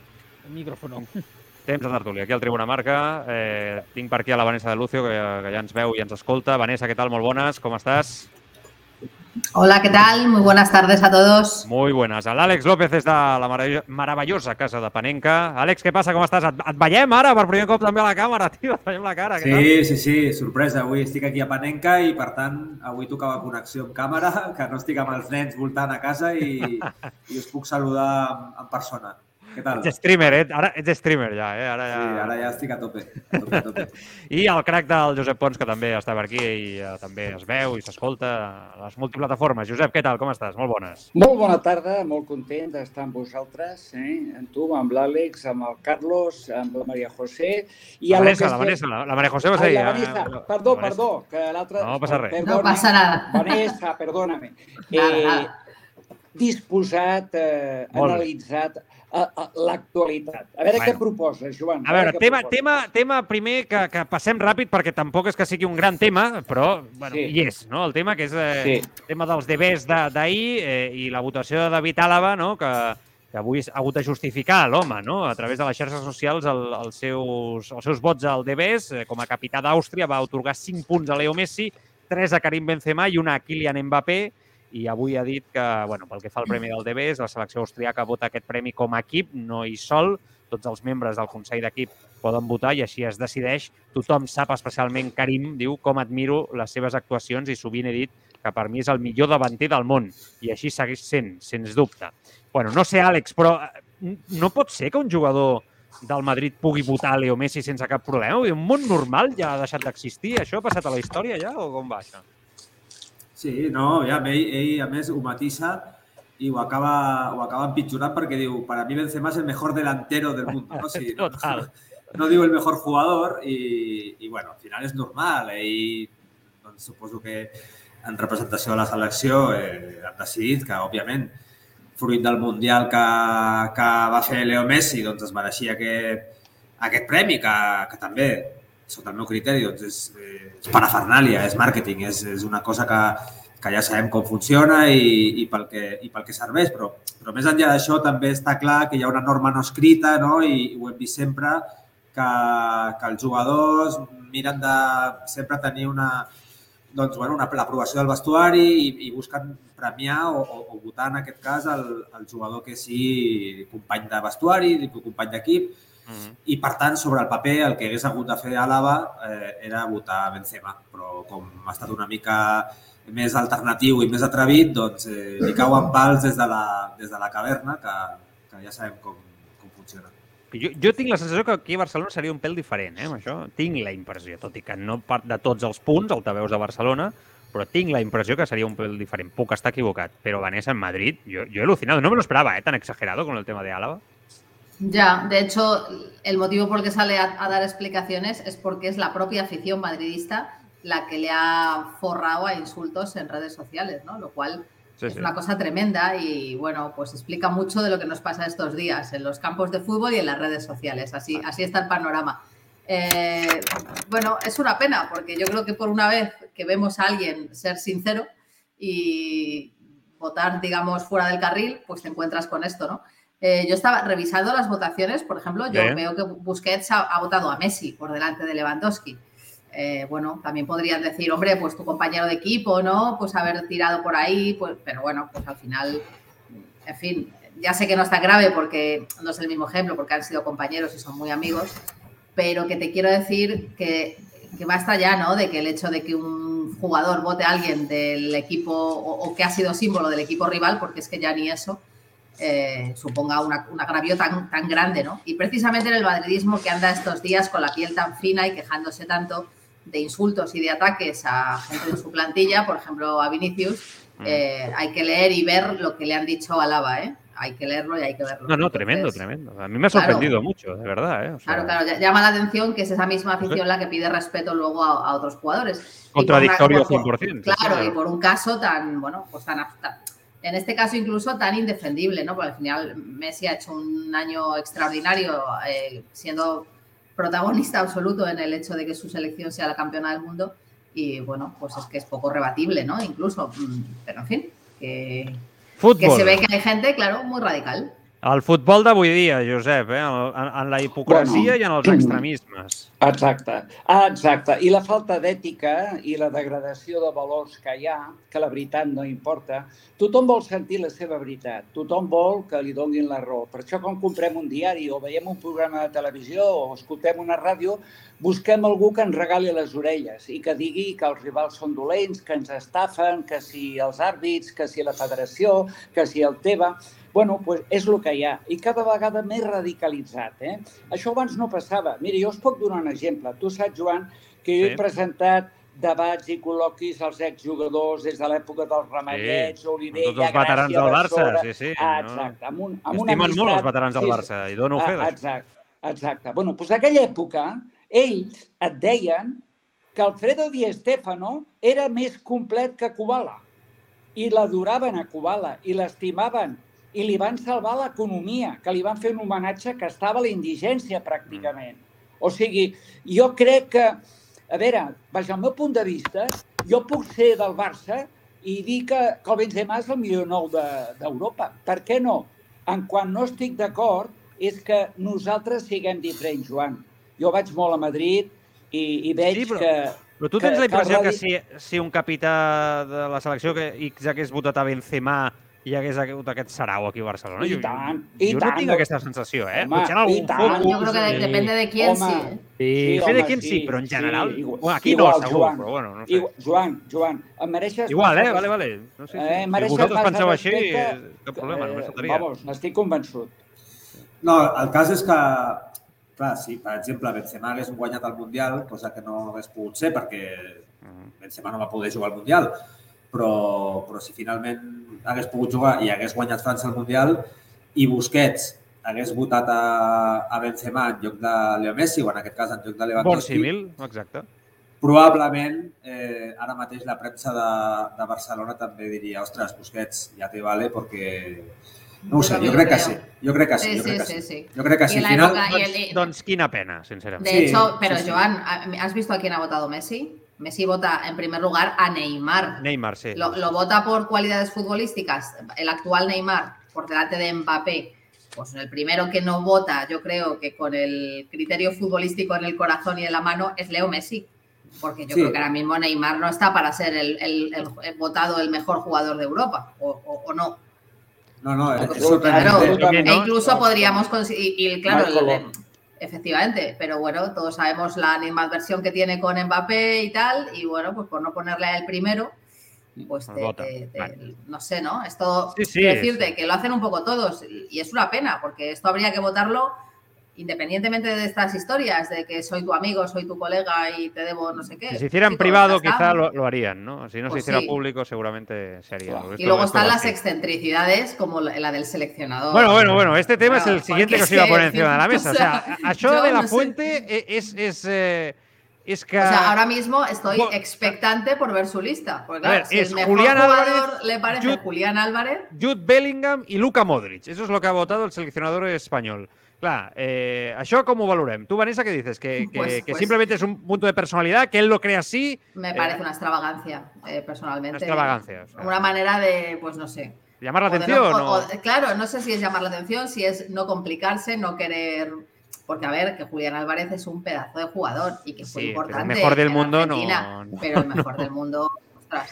Y Bellingham, Bellingham es un gran jugador, pero, tampoco es el segundo mejor. lo de Modric Entonces, aún. ¿no? Incluso Modric tampoco esta temporada. No, pero digo que aún si lo quieres coger ahí por la trayectoria, ¿no? Con pinzas, pues mira. Pues sí, oye, por la igual, ¿no? trayectoria votas a Messi, entonces. Pero yo creo que no ha querido mojarse con ninguno de los grandes, que no le tachen de madridista, ni de barcelonista, ni, ni de nada, y al final, por querer ser tan outsider, pues ha sacado tres nombres que de verdad eh, son, eso me parece una, una excentricidad, ¿no? Y, claro, y aquí- eh, lo que pasa es que da miedo, porque dices, si este señor tiene estos criterios, eh, pues Claro, a- eso es lo que te iba a decir, a, ¿no? qué 26 va a Claro, llamar, ¿no? claro. Ojo, Eh, això, és, això és el que, el que diu molta gent, no, Josep? Que, eh, eh, amb tots els respectes, eh? Vull dir, El seleccionador no s'entera de què va la pel·lícula, no? No? A, a uno o ya no? lo sabemos, No, ¿no? no, que ha hablado hoy por teléfono con Ansu Fati. A uno ya Sí. lo sabemos. Que A me mí- estás avanzando todos los temas que voy a sacar hoy, ¿eh? Perdón, moment, perdón. no, no, A destrozando el guión. No, no, no pasa nada. A veure, a veure, a, a, a mi aquest senyor em mereix tot el respecte. El veig home, una sí, persona intel·ligent, molt coherent, molt equilibrada, res a veure amb l'anterior, eh? O sigui, amb un respecte per tothom absolut, i jo crec que se li ha de respectar la seva línia i el seu criteri. Són tres grans jugadors, no hi ha dubte. Sí, Eh, sí, pero, no- pero, pero, a ver, Josep, perdona, per- ¿es una perdona, excentricidad o no? Perdona, no, no, no, ¿No? eh, Ah, vale, no. Eh, Es, es seguir un criterio determinado, demuestra un carácter como dejar a Sergio Ramos con la edad que tiene, pensando más en es relevos otra de cosa. juventud, eh, y sin embargo le han hecho una campaña también, vamos, diabòlica, no? Eh, jo entenc, sincerament, jo entenc que, que, bueno, és una forma, això sí, com ha dit la Vanessa, de no mullar-se, de no comprometre's, eh? I, bueno, mm, Álvarez, eh, cuidado, és un golejador nat, que té gol, que si... Eh, sí, hombre, pero que no es el mejor del mundo, pero no es el mejor. No, bueno, no, però si no tingués a Holland davant, cuidado, eh, que té, aquest nano té alguna cosa especial. Això, això, això, això pot ser que sigui veritat, però no ho ha demostrat Sí. encara. Bueno, però... Mm, I Modric, home, el millor que ha fet el Madrid, el Modric ha sigut fundamental. Els moments crucials del Madrid... Creo que te Modric- ciega el querer Modric defenderle, ha portat Josep. la Te lo digo desde el cariño, pero, Sí. pero, pero No, no, es una no. lista muy rara. No, no, eh, pero ¿sabes qué pasa? Que yo ya veo que a este hombre ya, de, antes de entrar, ya le dan caña. Que, Que no, si que nunca no. seleccionado, como una campaña brutal, por todos lados, perdona. Es que aquí lo que nos van, que son los provocadores. Pero que, pero que son los que le nombres rarísimos, prensa, que si tú pones perdona, eso, es normal que la prensa hable de, le- que Sí, la atención. ¿Sabes cuánta gente ha elegido a Julián Álvarez el primero? El seleccionador de Botsuana y el capitán de, Bueno, de, pero de- de- aquí de- parece- de Zimbabue, me parece. Ya está, no hay más, son esos tres los que le han Me da, votado. me da igual. No me, no me da me- no me igual. fastidies que no es una, una cosa rarísima perdona, lo que ha hecho perdona, este hombre. perdona, y yo de verdad que no tengo ninguna intención de pegarle nada. Mí, De hecho, con lo de Sergio Ramos estoy muy de acuerdo. Yo no le Vanessa. no es una cuestión de criticar a este señor, que no ha empezado su trayectoria y Vanessa. que no tengo nada en contra. Vale, Pero, a veure, ostras, Josep, remata o que l'Àlex. Sí, anem, anem a comentar. Vamos a ver, El enemigo del pueblo, te lo recomiendo, ¿eh? De, de Johann Ibsen. La mayoría no tiene siempre razón, más bien lo contrario. Tiene razón el que Pero tiene si criterio, por mí, no por la personalidad y mayoría. ojo. Permíteme, Vanessa. ¿eh? O sea, yo también soy bastante dado a no ir con la mayoría. ¿eh? Y me equivoco, es posible. Pero veo que la mayoría también se equivoca y mucho. Por lo tanto, yo a este hombre veo que desde el primer momento han ido por él. Y ha hecho una campaña con los equipos inferiores de la selección admirable. Absolutamente fundamental si no para tener ahora. una selección a máximo potencial. Lo que pasa es que aquí nos movemos mucho por etiquetas. Queda clar, I parece- Josep, o sigui, acabo, el, teu, acabo, el teu acabo, és que, acabo. però perquè jo ho entenc, el teu raonament és que se l'ataca per ser de la Fuente, no? Que si Sí, Luis sí. Enrique fes aquesta llista no hi hauria Sí, tant. perquè aquí agrada més el, el clàssic, el clàssic que diu Queda clar, los, peri queda. los periodistas no tenéis ni puta idea, saps? Això és el que va. Llavors el respecte, no? A veure, vull escoltar l'Àlex eh, i a partir d'aquí us pregunto per Anso, que és un tema ja més seriós, amb aquesta informació de, de marca d'avui. A veure, Àlex, vols afegir alguna cosa més sobre un tema, insisteixo, que tampoc és que tingui molta importància, més enllà No, del no, safreig. No sé. Sí, no, avi- aviam, a mi, quan he vist la, bueno, la llista de, dels vots de, de la Fuente, que sincerament l'acabo de saber ara, quan, quan l'has comentat tu, Mira. em sembla, mira, em sembla underground, em sembla que, que no es prenen en sèrio els premis, per tant, xa- xapó, ¿sabes? Porque digo, "Ostras, yo- a mí este premio me da igual. Pues mira, voy a votar a Julián Álvarez y ya está, me lo quito de en medio. Yo voy a lo mío, que es a seleccionar. I ja està. Vull dir que... que Que guai. podria Sí, ser, no? això. Pot que ser, podria pot ser, ser. això. Pot Podria ser que el ser. tio, el tio digui, mira, me pones al Álvarez, al Bellingham i a Modric. Vinga, otra cosa. Exacte.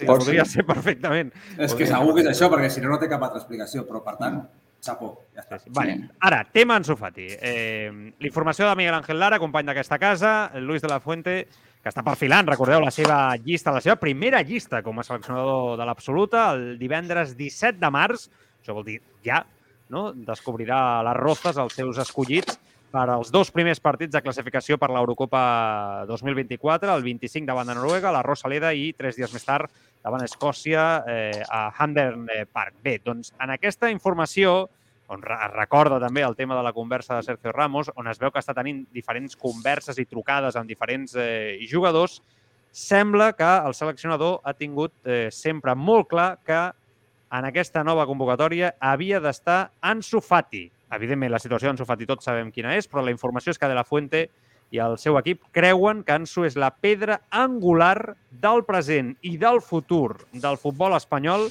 que el veuen en un moment molt important no? per aquesta situació tan complicada que està passant el propi, el propi futbolista, però que li han dit que compten amb ell i que, per tant, Ansu serà important. I jo em pregunto, començo amb l'Àlex, després amb el Josep i després la Vanessa. Vaig, faig, vaig al, al revés ara. Això, eh, o sigui, convocant Sofati en el moment que està actual, això se li fa un favor o, o, o, o no, Àlex, a, a Ansu? O, o és el contrari? O, o li Sí, generes no. un agravi? No, aviam. Tant com que perquè sigui la pedra angular o perquè sigui el pal de paller del projecte, mm, òbviament crec que són paraules majors. Ara, que no n'és convocat, crec que seria pitjor que que vagi convocat. I m'explico.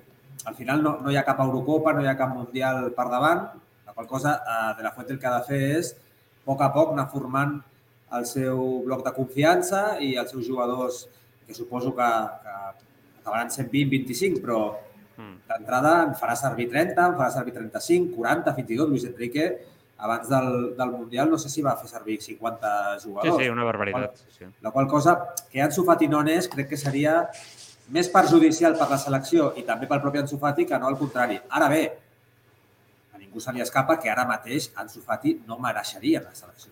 Estem d'acord tots en això, eh? Ara mateix eh, hi ha jugadors sí. molt per sobre d'Ansu Fati que estan fent mèrits als seus equips i que estan jugant de titulars, i estan fent gols, i estan fent assistències que mereixen, que mereixen anar. Eh, Gabri Veiga, per exemple, del, Mm, del bon Celta, jugador, molt bon és jugador. un futbolista que per mi és un descobriment que, mm, que està trencant totes les portes o tirant a baix totes les portes al, al Celta i que, per tant, per mi seria eh, un premi per ell anar, anar a la selecció. Però n'hi ha més. Llavors, Ansu Fati doncs, és un cas molt especial que també eh, d'un temps cap aquí doncs, ningú pot entendre com ha pogut baixar tant i probablement l'única manera de, de, de que torni a revifar aquest rendiment que, que tothom li va preveure eh, mm. fa uns anys, doncs seria doncs, això, comptant amb ell i donant-li les oportunitats que fins al moment decisiu, que serà quan hi hagi una convocatòria per una Eurocopa o en aquest cas per la propera Eurocopa, mm. doncs hauràs de confiar que, que pugui revifar. Vale. És que jo, li preguntava d'aquesta manera a l'Àlex Josep perquè és, és evident que si Ansu va convocat, com diu aquesta informació del Miguel Ángel Lara, no? que passarà, eh, jo crec que ah, hi haurà molta crítica cap a Ansu. Si d'una manera indirecta poses a Ansu a l'ull de l'huracà també de la crítica, perquè estem tots d'acord en que per rendiment futbolístic segurament no mereix passar per davant de tots aquests noms que ara deia l'Àlex. No? Per tant, a, a l'hora de ser seleccionador has de valorar també aquesta mena de moviments, no, Josep? Eh, sí, però eh, és inqüestionable que Ansu Fati té un talent sobrenatural. Sí, per Oi? suposat. A, a, aleshores, el problema són les lesions. Evidentment, ha perdut confiança, ha, ha perdut seguretat, ha perdut velocitat, i l'única forma de recuperar-ho tot és jugant i en confiança. Jo crec que li donarà el marge de dos, tres, quatre oportunitats, oi? Que és el mateix que ha fet el Xavi. Sembla que li costa una mica més, i jo crec que la carta en su val la pena jugar-la. Eh? I jugar-la com la juga el Xavi i com la juga el seleccionador. Aquesta és la meva opinió. Vale. Vanessa? Bueno, pues entiendo a los que dicen que llevarle supone prescindir de alguien que sí esté al 100% en condiciones, pero también creo que Ansu, que precisamente ha estado, Luis de la Fuente fue su primer eh, entrenador ¿no? en las categorías de la selección, mm le conoce mejor que nadie. Em, creo que ve en él y, sabe y es consciente del potencial que hay en él. Probablemente le quiera echar un capote, eso es indudable. Y también a veces la, eh, bueno, iba a decir la empatía, no sé si es exactamente eso, porque tampoco la selección es una ONG, no, me refiero a eso. Pero sí creo que él obviamente intuye eh, que tiene la capacidad de recuperarle, eh, tanto en lo físico como en lo anímico, porque sabe el jugador que es y entiende que para su proyecto es de importancia. Em, bueno, desde ese punto de vista es loable y si el seleccionador cree en él, adelante. Eh, como dice Josep, la única manera de tener a un jugador a punto es, darle la confianza y la oportunidad. Vamos a ver. Vale. Bueno, ja veurem què acaba passant. Anem a parlar del Barça en aquests minuts finals de la, de. Quin run-run teniu, Josep? Quines sensacions tens respecte a la situació després de dues derrotes consecutives, la mala imatge d'Almeria, el Madrid que ve el dijous, molts lesionats, no? el mateix Ansu Fati que no sabem si estarà o no. Quina sensació tens amb l'equip ara mateix? Bueno, jo crec que, com sempre, aquí, i, i crec que també hi ha altres llocs, passa bastant de lo mateix, de seguida eufòria desmedida, ja som els millors, hem de guanyar-ho tot, oi? I, I no és així. Eh, això, aquest projecte requereix temps. Eh, és un canvi molt fort. Per una altra part, haig de dir una cosa, i la dic avui. Jo era partidari de Xavi Hernández. Sí. El conec personalment. M'ho havies dit moltes vegades. Moltes això, vegades. Anys enrere, eh? sí, sí, me'n recordo. Sí, efectivament. Has perdut la fe? Eh, mm, a veure, no del tot, Uy, que se nos baja de la chavineta, Josep. Sí. No, eh, no, no, no, Vanessa, no del tot, però li veig, li veig uns punts que s'aparten del que jo creia que era. Eh, li falta eh, fortalesa, convicció, per mi plora massa, es queixa massa, el líder del meu projecte no pot anar de ploraner, com deia el Johan Cruyff i el Pep Guardiola, no? No podem estar plorant. Un guanyador no plora tant, eh? Que ploris un dia, que et queixis un dia, com va fer el Pep Guardiola amb el tema del Mourinho, xapó.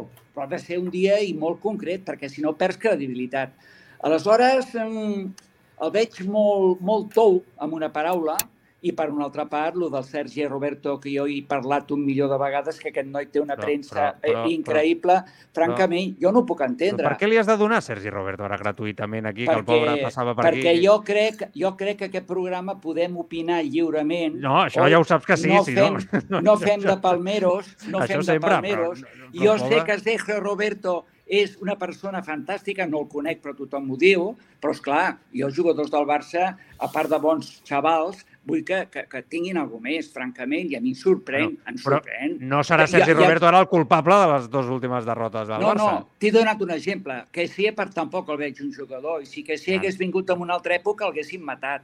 M'entens? No. Bueno. Vull dir, hi ha diversos aspectes que, que, que francament, pues, no, no és que estigui... Encara espero que, que hi hagi una reacció, eh? Però veig una mica de desconcert, falta de fermesa, i No t'acaba repeteixo... no t'acaba de convèncer, eh, el futur amb Oh. Xavi, ja ho veig, eh? Mm, eh, mm, M'hagués agradat que, que hagués sigut una mica més Pep Guardiola, saps? Eh? Una No. mica més líder. Claro. Una mica més mucho. líder. Vale, Sí. Vanessa, ¿qué? Bueno, pues mm, me, me gustaría creer más de lo que creo. Eh, me parece que este Barça cuando lo hace bien, lo hace francamente bien, y a la que, y- y- pero luego es muy, muy débil eh, anímicamente. Creo que a la que a la que viene un poquito de viento se le cae el castillo entero y no lo Mm. entiendo. Eh, es tenían una oportunidad indudable este sábado, eh, perdón, este domingo, para abrir brecha y ponerse a 10 puntos, haberle metido un golpe psicológico al Madrid, haber encarado la semis de la Copa de otro modo. Y, y, hombre, pues es que es, no sé, es, es muy, muy difícil de creer que un equipo que solo había encajado siete goles en lo que va de temporada y, tres con el Madrid, de repente eh, eh, pierda contra un equipo en descenso, ¿no? Prácticamente. Entonces, mm, me ofrece dudas. Me ofrece algunas dudas, cosas que veo que no se corrigen. Igual que a lo largo de la temporada le he elogiado a Xavi que haya sido capaz de modificar sistemas de juego y rectificar con algunos futbolistas, pues no acabo de entender por qué tarda tanto en hacer los cambios. Me desconcierta mucho los cambios que hace en algunas situaciones. Y bueno, es cierto, claro, decía Josep, necesitamos que se parezca más a Guardiola. Ostras, nos ha fastidiado. Y que Lewandowski se pareciera a Messi no lo venía mal tampoco. Si Ferran fuera Neymar, ya ni te cuento. Pero claro, es que es muy complicado. Eh, quizás, quizás, me parece, lo que más me preocupa es la parte anímica. Y no es solo una sensación, es que en los últimos días eh, le he oído a Ferran confesar que está acudiendo a un psicólogo porque no es capaz de entonarse en lo que va de temporada y está sufriendo mentalmente. Le he oído a Ari García eh, pedir ayuda en el club porque mm, no se siente anímicamente con confianza desde que ocupa tantas suplencias. Veo que Ansu Fati sale y no es el que todos tenemos en la cabeza porque no tiene. Entonces, claramente hay un aspecto motivacional o psicológico eh, en el que el Barça no es capaz de remontar. O sea, esto que vimos la semana pasada en Liverpool, de que te metan dos goles y tú sigas creyendo en ti y remontes, en el Barça es una quimera. Y duele decirlo, pero es que es así. Es que el Almería se te pone por delante. En esta temporada solo se te había puesto por delante en el primer tiempo el Real Madrid y acabaste perdiendo. Y Osasuna, que sí que le remontaron. Pero, pero es que el Barça ante esas situaciones no es capaz de hacerlo. Nunca. Ni siquiera con equipos claramente inferiores. Porque tú al Almería le tienes que ganar. Me da igual que vengas de, de Old Trafford, me da igual el batacazo de Europa League, me da igual. Le tienes que poder ganar. Tienes que meterle 10 al Madrid y sentenciar la liga y enfocar la copa de otro modo. Y mentalmente no, eso no les da. Y eso sí me parece preocupante. Vale. Bueno, a veure, Àlex, eh, veus que el panorama... és, no sé, jo, a mi, jo em fa la sensació de que eh, la gent es baixa una mica de la xavineta, eh? No, jo no em baixo la xavineta. Tu no et baixes, jo, venga. Jo tampoc sóc un super talibán. Tampoco la conduces, ¿no? No, Claro. estoy ahí de pasajero un poco expectante, pero, pero no vamos a... Va. a ver, encara no és Àlex. el moment de baixar. Estem a, estem a 7 punts del A veure, segon. a veure, un moment, un moment, Josep. es- Mullat, mullat, Àlex, mullat, Ah, mullat. No, jo mullo. Jo, jo era partidari, com tu, de, de fa molt de temps, de fitxar Xavi. De fet, no vaig entendre quan, quan el Barça va apostar per renovar Koeman. Sí, me'n recordo que ho havies comentat aquí. Sí. No el vaig entendre fins i tot el Sí. fitxatge de Koeman en el seu dia. Igual. I, I jo vaig lamentar que Xavi no va voler venir en el seu dia també quan, Mm. quan va ser Bartomeu que el va voler, que el va voler fitxar. Mm. Vaig lamentar-ho, però ho vaig entendre, lògicament. Eh, el que vull dir és que confiança no cega, però sí que plena. Jo podria dir confiança plena en Xavi, més que res que, que l'evolució eh, existeix i, i, i està sent lenta, però perquè no pot ser d'una altra manera. És que ha de ser lenta. I, I lenta vol dir que la progressió pot ser més o menys constant, però de cop i volta hi ha un sotrac eh, en el camí, que són aquests dos partits, i que, i que evidentment demostren que hi ha carències, però són carències que, que en aquest punt de la temporada i amb el, i, amb el, i, i, i, i veient d'on venim, doncs eh, han, de ser, han de ser assumibles i han de ser acceptables. El que, el que no seria acceptable és que ara mateix el Barça, després de dos sotracs, com dic, que, que poden ser assumibles, eh, es deixés anar. Ja. I, i l'equip anímicament s'enfonsés. I ara arriba el Bernabéu, que per cert, és la millor solució possible als problemes. Que tu tens un partit... Tu veus com algo positiu, eh, que vingui el Sí, Madrid. exactament. Vale, molt bé. Perquè, mm, evidentment, si el, si el Barça és capaç de fer un bon partit al Bernabéu i, i treure un bon resultat, ja no dic guanyar, que evidentment seria un grandíssim resultat, però un empat també seria prou bo, de cop i volta et canvia la- l'estat anímic. Si el Barça surt reforçant del Bernabéu, Està claríssim, està ja, claríssim. ja et canvia una altra vegada la, la marxa. I això és un tema absolutament, encara que sigui un tòpic i sigui eh, la, la, la frase de sempre, és el futbol és un estat anímic. Total. I és un estat anímic i el Madrid ho demostra cada temporada a la Champions. El Madrid a la Champions és un estat anímic en si mateix, és l'estat anímic. Llavors, eh, demostra que el futbol, efectivament, amb un estat anímic determinat, poden passar coses. I el Barça, Almeria, tenia un estat anímic de derrota. De derrota, perquè Eh, Pues me estás Old dando la razón, Alex. Ah, es, un- sí. es un equipo que no tiene bien trabajado ese No. aspecto. No, pero no es un tema de trabajarlo, es un tema de acumular, acumular victorias a la mochila. Pero si llevaban, ¿cuántas pero- llevaban acumuladas? Si Más, llevaban, eh, llevaban más, meses más. y meses de victorias acumuladas. Son y de repente, al menor contratiempo, te has venido abajo. A mí eso sí me parece preocupante. Sí, no, Porque, pero- oye, que solo te queda la liga, ¿eh? Sí, y aquí pero- hay mucha gente, os lo digo, vivo en Madrid, Ah. mucha gente que dice, bueno, a 7 y con un clásico, tal, 4, un resbalón tendrá. Quiero decirte, eh, cuidado, porque y la temporada pasada también iban como flechas, también se ganó Sí. al Real Madrid con goleada y de repente el equipo desapareció. O sea que es que estos meses de enero-febrero, esta turbulencia. digo que- que hay que- luego hay empiezas que- a ver que el Madrid vuela en Champions. a ver, Josep, permetem acabem, eh? Sí, sí. A sí, veure, sí. A veure, jo el que diu l'Àlex, eh, mm, francament, a tot el respecte i admiració, no estic d'acord. O sigui, aquest equip ve ve de, de, de bons jugadors com Ter Stegen, com De Jong, com Gavi, com eh, Valdé, o sigui, a, a part Dembélé i altres, eh? I a sobre ens han gastat 150 milions. I ens trobem una competició amb la qual el Madrid que té una plantilla molt curta i és conscient, perquè si Benzema no juga, té que jugar el Mariano o l'Àlvaro, aquest que estava al Girona, eh? focalitza absolutament cap a la Champions. La Lliga queda lliure, anem primers de carrer. Això hem de dir en compte a l'hora de valorar-ho. Però és que, a més, ens han gastat quasi 200 milions. Per tant, no podem ser tan permissibles i tan eh, comprensius i tan... Ah, i una altra cosa. Aquest Barça, heu vist algun partit que jugui més de 50 minuts, que aguanti físicament més de 50 minuts? Jo no, i no m'he mogut d'aquí. Vale.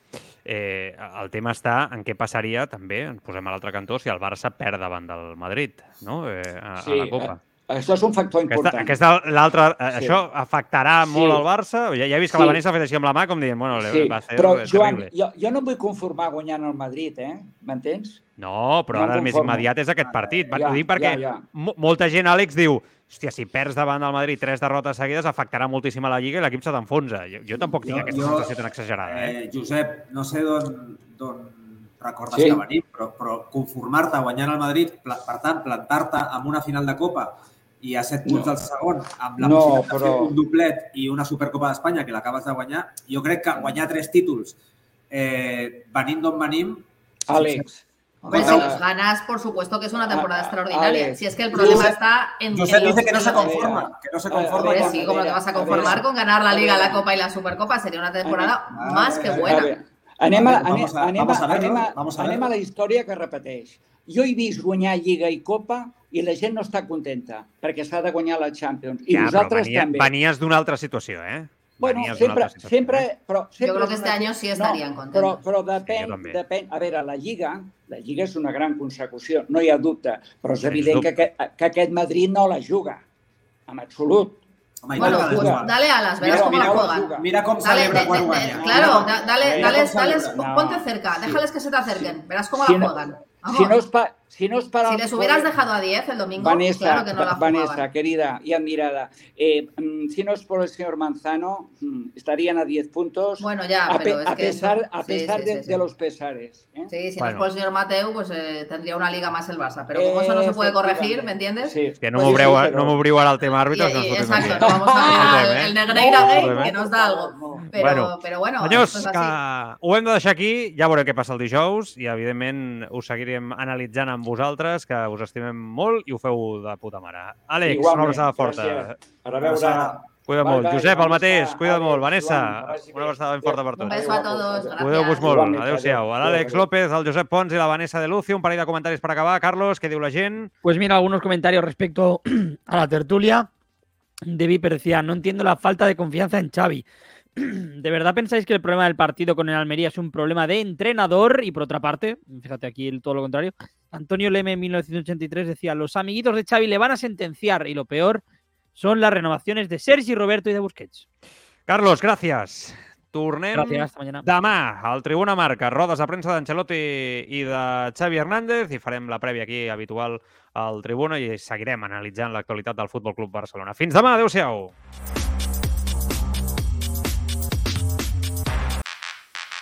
El deporte es sinónimo de éxito, de triunfo, de gloria, de respeto.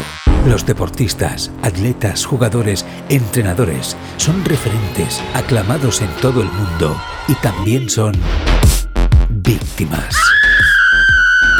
Tribuna Marca con Joan Prats y el podcast Crímenes Ibéricos de Apcas.com presentan Crímenes Deportivos, el podcast que te narra las muertes y asesinatos de deportistas de todos los tiempos. Escucha Crímenes Deportivos en tu plataforma preferida de podcasting.